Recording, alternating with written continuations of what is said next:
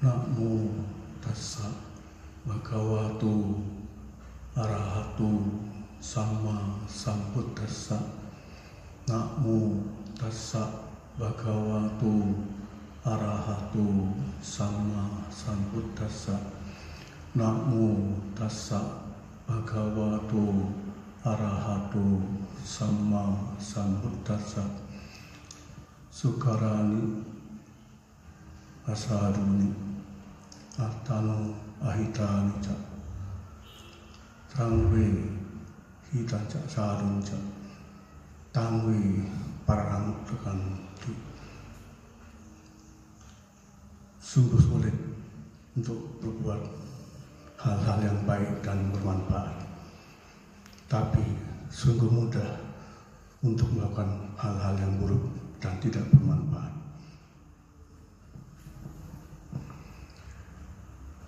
Bapak Ibu, saudara-saudara yang berbahagia, tentu kita semua sebagai umat Buddha khususnya dan kita semua pada umumnya selalu ingin dan selalu berharap apalagi masa-masa seperti hari-hari ini di Indonesia dan di dunia sedang mengalami satu masalah sedang menghadapi satu masalah yang sangat serius yaitu adanya virus corona. Bagaimana kita bisa sebagai umat Buddha khususnya menyelami hal ini, bagaimana kita bisa menyikapi, bagaimana kita bisa mengendalikan hidup kita masing-masing. Apa pun alasannya, apa pun kondisinya, kita semua diharapkan tetap berada pada pemikiran berada pada cara berkonsep berpandangan bahwa hidup itu tetap tergantung pada diri kita sendiri masing-masing bisa selamat, bisa berhasil, bisa sukses, bisa berbahagia adalah tergantung pada diri kita sendiri masing-masing. Tidak ada orang lain yang bisa membantu kita apalagi orang lain itu memang sedang sulit lalu kita berharap bantuan. Demikian juga sebaliknya. Tidak mungkin kita bantu orang lain bila mana kita diri sedang keadaan sulit. Nah tetapi bagaimana diri kita masing-masing bisa berbuat sesuatu untuk memposisikan diri bisa terkendali bisa bertindak bisa berbuat sehingga hidup kita menjadi aman nyaman damai sejahtera bahagia. Tergantung pada diri kita masing-masing. Seperti satu perumpamaan, kalau sedang berada di satu lumpur, lalu kita mau tolong orang lain yang sedang di lumpur juga, sesuatu yang sangat mustahil, tidak mungkin tidak bisa bantu orang yang sedang di lumpur, kita pun sedang di lumpur. Yang bisa bantu orang yang di lumpur itulah yang sedang tidak berada di lumpur, sedang hidupnya nyaman, tak terganggu apa pun, bisa bantu menyelamatkan orang yang sedang di lumpur itu. Demikian juga konsepnya dhamma sebenarnya. Seperti contoh lain, perumpamaan lain. Bercocok tanam, para petani menanam di ladang, di sawah. Apakah petani itu berpangku tangan, berdiam diri secara pasif, menunggu segala sesuatu dengan dirinya datang dan bisa makan? Tidak. Yang pasti sebagai petani dia harus kerja keras, berjuang, berusaha. Apa pun yang dihadapinya, hujan angin, musim seperti apa pun, tetap bekerja keras. Bagaimana bisa menanam bibit padi di tempat yang sesuai. Nah, kata nanam padi tempat yang sesuai, bila mana musimnya tepat tentunya. Juga demikian bibitnya sesuai. Cara tanamnya juga sesuai. Kerja kerasnya untuk menanam bibit padi yang sesuai itu juga tentu kerja keras yang sesuai. Pasti bisa menghasilkan panen yang memadai, yang menguntungkan, yang bisa memberi tanggung jawab kita sebagai petani yang bersangkutan bisa hidup dengan berkecukupan. Nah, itu jadi gambaran dengan sangat jelas kita memperhatikan bahwa hidup kita uh, bagaimanapun juga dengan diri kita. Sebenarnya tema yang saya bahas pada kesempatan ini adalah membedakan antara perilaku baik dan perilaku buruk.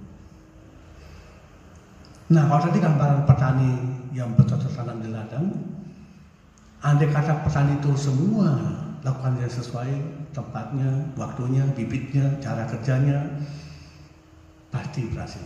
Tapi kalau dibalik kenapa petani bisa gagal, tentu ada beberapa kemungkinan yang namanya gagal. Di antaranya cara kerjanya yang salah, musimnya yang keliru, bibitnya yang tidak sesuai. Cara nanamnya juga tidak sesuai. Iya tentu gagal. Loh, Bante bisa juga gagal meskipun dia sudah kerja keras sesuai bibitnya sesuai. Bisa, bisa. Itu ada hama, ada gangguan bencana alam, banjir, lain ceritanya. Nah, apa yang saya katakan terakhir menarik untuk dicermati. Kalau sebagai umat Buddha khususnya dan kita semua pada umumnya, kembali ke cara, berpikir kita sendiri masing-masing. Apakah kita sudah memahami, mengerti secara benar bagaimana hidup ini bisa terjamin, kondisinya bisa aman, nyaman, sejahtera, bahagia, sukses dan ya kita menjadi terlindungi dengan baik kembali pada pemahaman kita sendiri masing-masing. Nah oleh sebab itu saya ingin memberikan gambaran tadi dengan contoh pertanian itu atau tani petani sekarang dalam, dalam perbuatan kehidupan sehari-hari. Ada dua hal yang saya ingin membahas tentu balik akan saling bertolak belakang kedua-duanya tentunya. Apakah itu?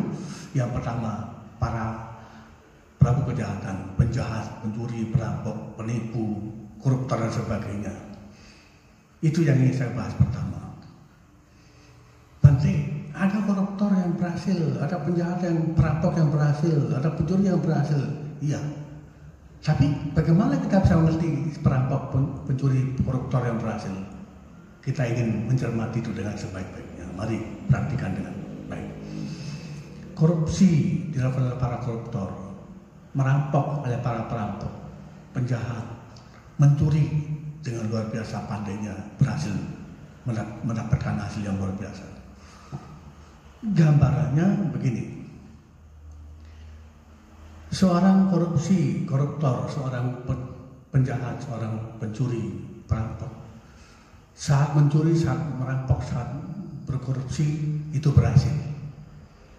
Gambarannya adalah dia berhasil sukses mendapatkan hasil dengan mencuri, merampok, korupsi itu. Dapatkan hasil banyak, dia simpen, dia gunakan tahu untuk apa? Ya, itu artinya berarti saat dia merampok, saat dia mencuri, saat dia korupsi, sedang berbuat jahat baru. Sedang berbuat tidak baik yang baru. Buahnya belum. Nanti ada waktunya akan masak, akan matang, baru buahnya diterima, tidak bisa ditolak. Tapi kalau belum berbuah, kalau belum waktunya berbuah, tentu memang si perampok, si pencuri, si koruptor itu aman, nyaman, berhasil merampok, mencuri, korupsi, benar. Nah, nanti ada waktunya akan berbuah, masak perbuatan buruknya itu dia akan menerima buahnya. Belum waktunya nanti. Kalau sudah waktunya dia akan menerima, tidak bisa menolak. Cara melihatnya begitu. Apalagi kalau kita bisa melihat mencuri, merampok, korupsi, tertangkap segera, secepat itu. Orang umumnya mengatakan, ih langsung karma buruknya berbuah. Tunggu dulu. Saya ingin meluruskan pemahaman itu. Tidak demikian. Bukan karma buruknya yang berbuah langsung. Tadi sudah saya berikan gambaran yang pertama. Saat berbuat jahat sekarang buahnya belum. Nanti ada waktu.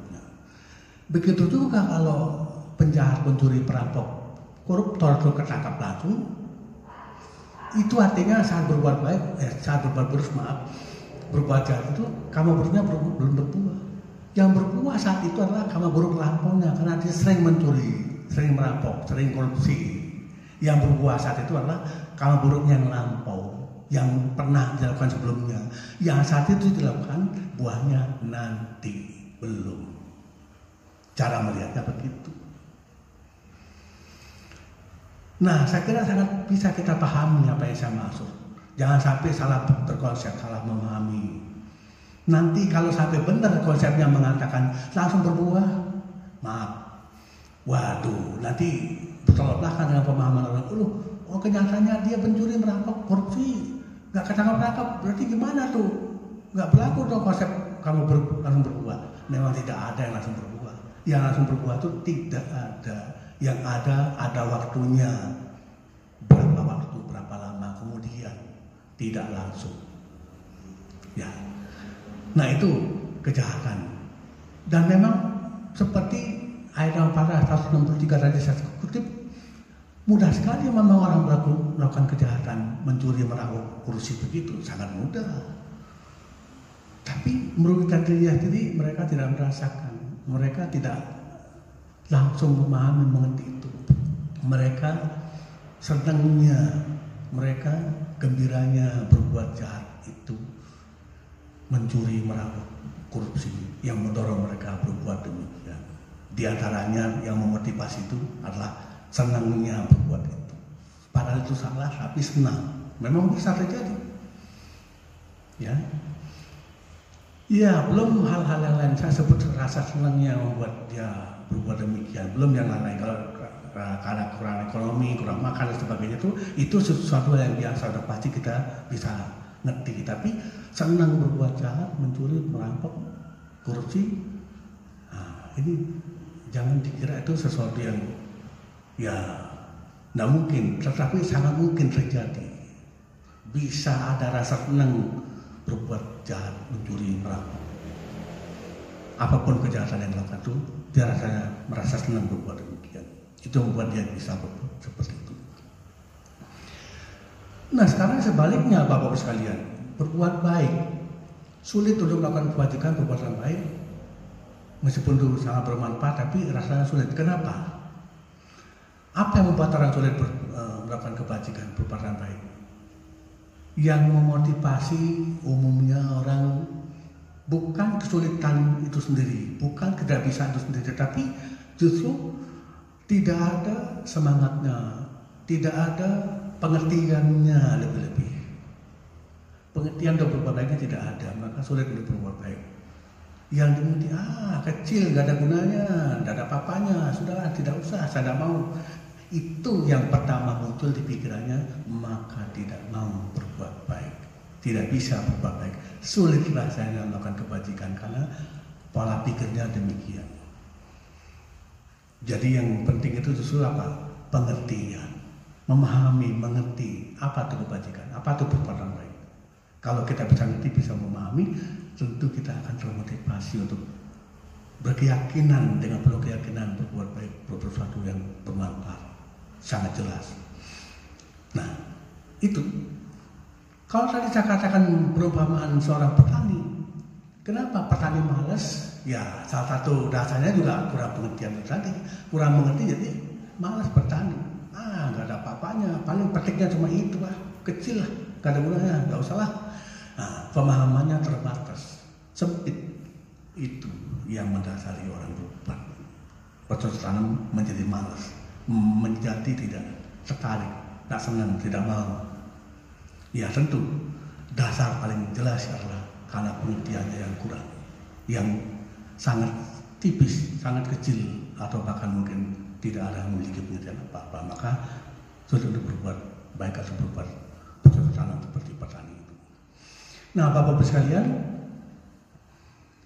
dalam rangka kita hidup sehari-hari, di depan saya sudah katakan bahwa kita masing-masing sendiri harus memahami mengerti termotivasi dari diri kita sendiri masing-masing sendiri harus memahami mengerti berkeyakinan memahami secara benar bahwa hidup kita tergantung pada diri kita sendiri masing-masing. Bagaimana dengan orang lain mati apa tidak ada hubungannya? Nah ini menjadi menarik. Orang lain di sekitar kita apa perannya? Apa? Apa bantuannya? Apa fungsinya apa gunanya orang lain di sekitar kita? Ini menjadi menarik untuk dicermati. Ingin saya jelaskan, saya bahas dengan sebaik-baiknya pada kesempatan ini. Begini Bapak-Bapak sekalian, diri kita sendiri yang berbuat baik, betul. bukan orang lain. Betul. Tapi berbuat baik itu tidak mungkin tanpa orang lain. Kita berbuat baik tidak mungkin sendiri tanpa ada orang lain. Itu sangat jelas tidak mungkin. Sudah pasti tidak mungkin. Mau berdana, mau memberi pertolongan siapa? Kepada orang yang membutuhkan. Ada orang yang perlu bantuan. Ada yang perlu kita perhatikan supaya kita bantu dia. Berarti ada orang lain. Sering ada pepatah, ada kata-kata petunjuk nasihat saran dari banyak orang, tertua terutama tokoh-tokoh. Eh, Bapak sekalian, bantulah kamu orang-orang yang kurang itu, kamu kan mampu. Nah, bantulah orang-orang yang tidak bisa itu, kamu kan bisa. Bantulah mereka yang perlu pendidikan, kamu kan mampu, punya pengetahuan, punya biaya dan sebagainya. Membantu bagi orang yang mampu untuk yang tidak mampu. Membantu bagi orang yang pintar untuk yang perlu belajar. Sudah jelas itu hubungan dengan orang lain ada. Tidak mungkin sendiri. Tidak mungkin diri sendiri cukup tanpa orang lain. Sudah pasti harus ada pihak lain di sekitar kita. Dengan siapa, kepada siapa kita mau berbuat sesuatu. Itu sudah jelas, sudah pasti. Tidak mungkin tidak, tidak mungkin tanpa orang lain. Kita ambil gambaran yang jelas. Guru agung kita sang Buddha, awal-awalnya menjadi begitu menjadi Buddha, mencapai peran sempurna, membabarkan dhamma pertama kali. Apa yang muncul di dalam pemikiran beliau? Siapa yang bisa menerima dhamma ini? Beliau dalam pikiran Buddha sendiri, kok berat ya, dalam sekali, sulit dhamma ini. Siapa yang bisa menerima? Nah, tetapi muncullah Brahma Sampati mohon kepada beliau kan itu itu ceritanya ada pihak lain yang berinteraksi dengan beliau tanpa ada orang lain yang ber, berinteraksi dengan beliau ya tidak terjadi pembawaran dhamma kita tidak kenal dhamma sekarang jadi ada pihak lain beliau sendiri kalau mau membawakan dhamma sudah pasti bisa tapi beliau berpikir siapa kepada siapa untuk siapa Siapa yang mampu menerima? Kan begitu. Artinya, tidak sembarang ceramah diberikan. Tidak usah dhamma. Sekarang memberi, sering saya singgung itu kalau ceramah di berbagai kesempatan. Materi bentuknya. Kita memberi sespiring nasi kepada orang yang mampu, cukup mampu, bahkan mampu sekali. Ya salah sasaran. Tidak tepat sasarannya itu. Tidak sesuai.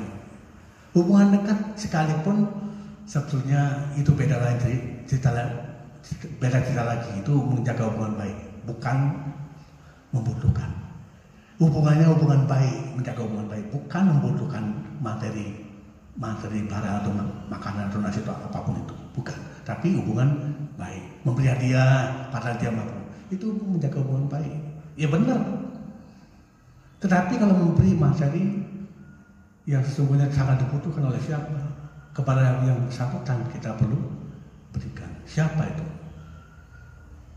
Nah oleh sebab itu memberi sesuatu itu pertolongan materi atau non materi sekalipun memberikan petunjuk nasihat adalah kepada yang membutuhkan itu baru tepat sasaran sasaran sasaran sesuai itu kepada yang membutuhkan. Nah oleh karena itu siapa membutuhkan damai dalam hal ini ceramah-ceramah seperti ini. Tentu banyak pihak yang sangat penasaran ingin dengar dhamma. Pasti mencari dan oh di mana kita dengar dhamma? Ini ingin dengar dhamma di sana di mana? Mencari.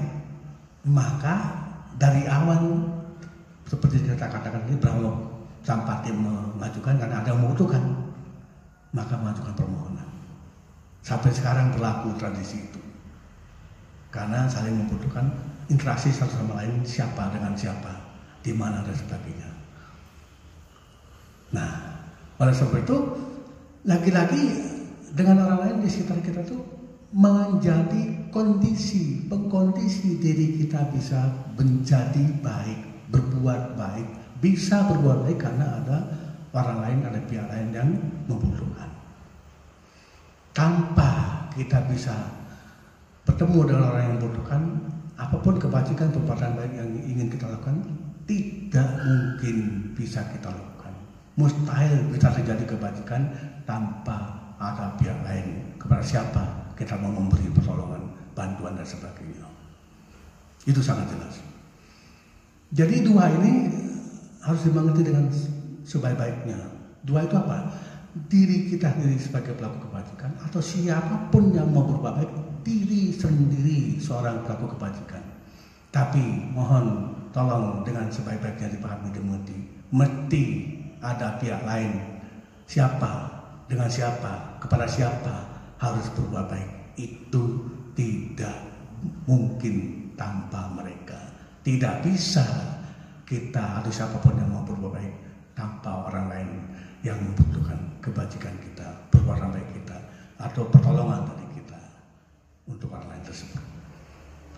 Nah oleh sebab itu, kalau secara umum, secara global, makna kata diri kita sendiri berbuat baik itu adalah kepada pihak lain, kepada dunia boleh dikatakan, pada siapa pun orang lain yang membutuhkan. Tidak mungkin kita sendiri. Oleh karena itu orang-orang yang egois, sedikit saya tambahkan, orang-orang egois seperti orang-orang penjual toko misalnya, penjual barang di toko, orang-orang itu egois, saya bisa itu sendiri, saya bisa maju sendiri. Bohong dia. Dia tidak ngerti para pembeli, para orang orang lewat terus belanja di situ membuat dia bisa maju, berhasil sukses. Jangan sadar, orang itu sangat egois. Jangan sampai kita seperti itu. Tetapi mari kita sadari, mari kita mengerti dengan sebaik-baiknya bahwa kita bisa seorang diri menjadi maju, berkembang dengan baik, membawa diri, tentu juga bagi orang lain. Kita bahagia, orang lain ikut bahagia. Sudah pasti itu. Kecuali orang yang iri hati. Kalau orang iri hati memang beda. Nah, dengan siapa kita berinteraksi dengan bekerja sama dengan sesama di lingkungan kita, dengan orang yang kita siapa cocok kita cocok dengan siapa, kita bisa bersama dengan siapa, ber, berbuat baik bersama-sama. Mengajak mereka untuk berbuat baik kepada siapa pun pihak lain yang membutuhkan. Tentu ini sangat jelas sekali. Nah itu makanya kalau dari ayat pada 163 dari saya kutip itu sungguh sulit untuk melakukan hal-hal yang baik dan bermanfaat. Kenapa? Karena cara berpikir berkonsep dan memahaminya tadi. Tapi sungguh mudah untuk berbuat kejahatan yang merugikan, ya karena memang konsep berpikirnya ya, tidak memahami, tidak mengerti secara benar. Itu yang membuat orang itu menjadi sulit bisa berbuat baik. Marah, maka marilah kita memahami mengerti hal ini, bisa berbuat baik dengan sebaik-baiknya, bisa melakukan kebajikan dengan sebaik-baiknya kepada pihak-pihak lain yang sedang membutuhkan. Seperti pada saat-saat sekarang ini sangat banyak yang membutuhkan bantuan kita, perhatian kita, kepedulian kita, baik dari kita untuk mereka di sekitar kita. Dengan cara membantu mereka, memberi sembako, memberi bantuan apa pun yang mereka butuhkan, mari kita berikan dengan sepenuh hati, dengan penuh pengertian, dengan penuh keyakinan, dengan penuh ya keteguhan hati juga kesabaran, ketabahan, bisa kita lakukan hal itu untuk membahagiakan diri kita sendiri dan membahagiakan banyak pihak, membahagiakan banyak orang di sekitar kita. Itu yang perlu saya sampaikan. Terima kasih atas perhatiannya. Semoga kita selalu damai, dan bahagia. Semoga semua makhluk hidup berbahagia. Sapi sata, bawantu, sukita.